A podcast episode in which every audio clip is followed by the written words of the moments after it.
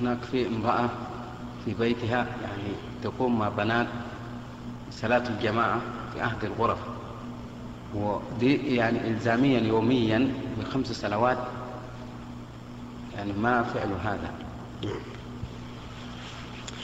لا يجب على النساء صلاة الجماعة لا في بيوتهن ولا في المساجد.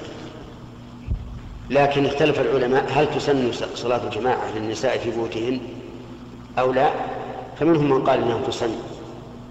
لهن صلاة الجماعة ومنهم من قال إنها لا تسن فلتنظر هذه المرأة مع بناتها إذا كان صلاتهن جماعة أحسن لأنهن يقومن من النوم ويصلين جميعا ثم إن إمامتهن ستكون مطمئنة في الصلاة لا تسرع الإسراع المخل.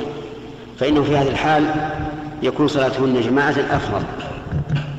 وإذا كان لا, لا يحصل هذه الميزة فلتكن صلاتهن جماعة. أحيانا وأحيانا.